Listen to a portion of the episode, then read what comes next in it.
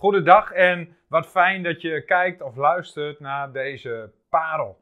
En ik wil, ik wil met jullie nadenken over de les die we kunnen leren van Mozes en Kades Barnea. We komen Kades Barnea misschien wel vaker tegen in de Bijbel, maar ik wil het bij twee keer houden. In nummer 14 en nummer 20. En in nummer, nummer 14, dan is Kades Barnea de plaats waar Mozes de twaalf verspieders uitstuurt, die na 40 dagen weer terugkomen met geweldige verhalen over het beloofde land. Over, het, over dat land wat, wat God ze geven zal. En je zou denken, na al die wonderen die je hebt meegemaakt als volk zijnde, dan, dan, ja, dan, dan volg je God vol enthousiasme om dat land in te nemen. Maar het volk begint te mopperen, omdat er tien verspieders zijn die alleen de negatieve kanten belichten. Alleen Caleb en Joshua zijn positief. En dan zien we wat dit gemopper tot gevolg heeft. En dat lezen we in nummer 14, vers 32 tot 34. Maar wat u betreft, uw dode lichamen zullen in deze woestijn vallen. Uw kinderen zullen 40 jaar in deze woestijn rondzwerven en ze zullen uw hoererijen dragen totdat uw dode lichamen in deze woestijn vergaan zijn.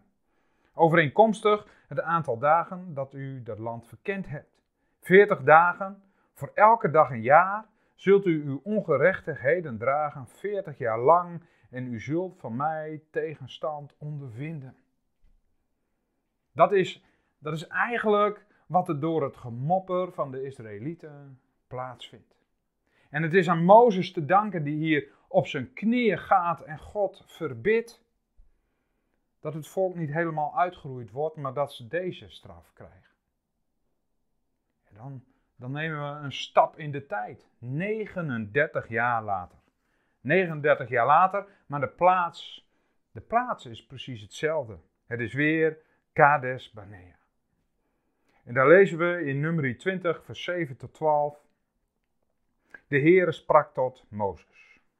Neem de staf en roep de gemeenschap bijeen, u en Aaron en uw broer en uw broer, en spreek voor hun ogen tot de rots, en die zal zijn water geven. Zo zult u water voor hen voortbrengen uit de rots, en u zult de gemeenschap en hun vee laten drinken. Toen nam Mozes de staf voor het aangezicht van de Heer, zoals hij hem geboden had. En Mozes en Aaron riepen de gemeenschap voor de rots bijeen. En hij zei tegen hen: Luister toch, ongehoorzamen. Zullen wij voor u uit deze rots water voortbrengen? Toen hief Mozes zijn hand op en hij sloeg de rots twee keer met zijn staf. En er kwam veel water uit, zodat de gemeenschap en hun vee konden drinken. Maar de Heer zei tegen Mozes en tegen Aaron: Omdat u niet in mij geloofd hebt en mij voor de ogen van de Israëlieten niet geheiligd hebt, zult u deze gemeente niet in het land brengen dat ik hun gegeven heb. Mozes. Mozes, wat doe je? 39 jaar lang zwerf je door de woestijn. En dan op één jaar voordat je het beloofde land binnen mag trekken, gaat het verkeerd. weet je, als je het stukje ervoor leest, dan snap je het misschien. Zijn zus is net overleden, lezen we in, in de eerste verse van hoofdstuk 20. En het volk begint weer eens te mopperen. En daar op het diepste punt, misschien wel van zijn leven, omdat zijn zus net is overleden en omdat die woestijnreis al zo lang duurt en omdat het volk weer moppert, wordt het Mozes even te veel. En hij slaat zich op de borst en hij zegt, ik zal jullie water geven.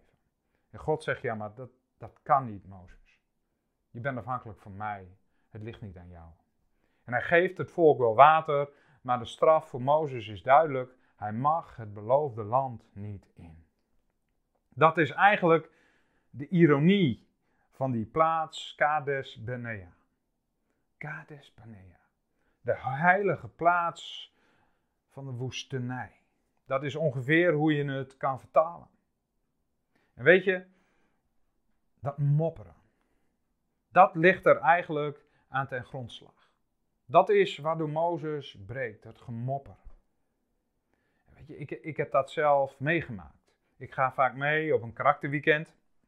En ik weet nog, het was een jaar in, in Schotland dat ik een, een, een groep mannen midden in de nacht een, een stuk bergop moest brengen naar de plaats waar we moesten zijn, waar het bivak was, zodat we de nacht konden doorbrengen. En we hadden gehoord, het is maar een half uurtje heel stijl klimmen. Maar na een half uur waren we er nog niet en na een uur waren we er nog niet en we leken nog niet eens op de helft te zitten. En de mannen waren moe, die waren het zat, die begonnen te zeuren, die begonnen te mopperen, hoe slecht de organisatie wel was, hoe slecht de leiding was. En ik liep voorop en ik moest maar beslissingen nemen. Moet ik hier links? Moet ik hier rechts? Het was donker, je zag niet veel. Je wordt onzeker. Je, je, weet het even ook niet meer, want het was ook de eerste keer dat ik daar was. Uiteindelijk zijn we er na anderhalf, twee uur gekomen, midden in de nacht. Ik geloof dat het iets van kwart over één was. En dan sta je daar. Je bent blij dat je er bent, maar opgebouwd ben je niet. Het heeft, alleen maar afbreuk gedaan en ik ben er nou eindelijk. Het werd tijd zeg. Wat een organisatie. En zo zit je daar dan in. Bemoedigingen komen niet meer aan. Je kan niet meer positief zijn. Dat is de kracht van het gemopper. Twee jaar later, twee jaar later was ik weer in Schotland. Weer met de vierde musketiers. En het was weer een avond. En we stonden weer aan de voet van een berg. En ik moest weer een groep mannen omhoog brengen. Ik zat in de leiding, dus ik moest kiezen welk pad we zouden nemen. Het was donker.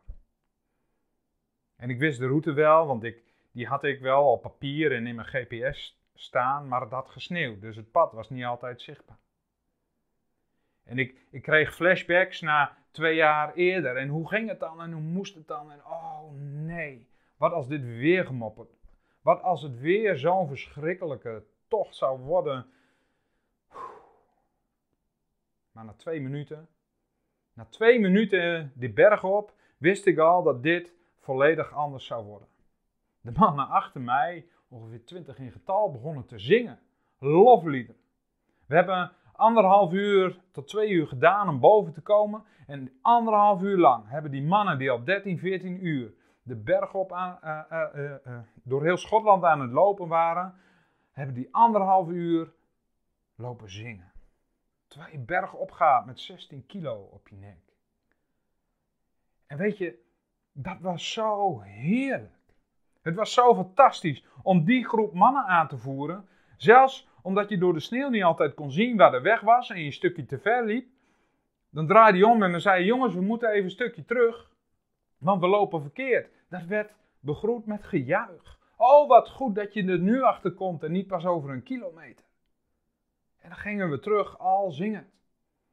En op het duur stonden we voor een enorme sneeuwzee en we konden het pad echt niet meer zien. En, en ik wist het ook niet. En opeens, opeens was daar die stem van boven. Hé, hey, hier moet je heen! Nee, dat was niet God. Dat was Wouter de Vos. Wouter de Vos, die had ons namelijk horen zingen, net als het hele kamp wat daarboven al was. Die had ons horen zingen en die denkt, wat gebeurt hier? En toen hij zag dat wij niet verder konden, zei hij, ja, je moet hierheen, je moet deze kant op. En zo zijn we boven gekomen. Het is een tocht om nooit te vergeten. En vanaf dat moment heb ik mij voorgenomen. Ik ga niet meer mopperen. Want weet je, je wordt zo bekrachtigd als leider als er niet gemopperd wordt, ondanks dat je fouten maakt. Dat, dat geeft zoveel moed en kracht. En dat is misschien wel de les die wij mogen leren. Die wij mogen leren van Kades Barnea. Want weet je, als Mozes kan struikelen door gemopper, dan kan iedereen struikelen door gemopper. En ik geloof dat ondanks dat iedereen fouten maakt en dus ook de leiding van de gemeente fouten maakt, of jouw uh, kringleider fouten maakt, of jouw communityleider fouten maakt.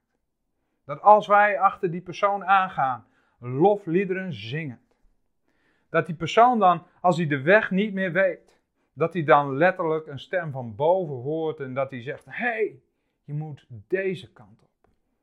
En dat dat dan wel de stem van God is. Daar geloof ik in.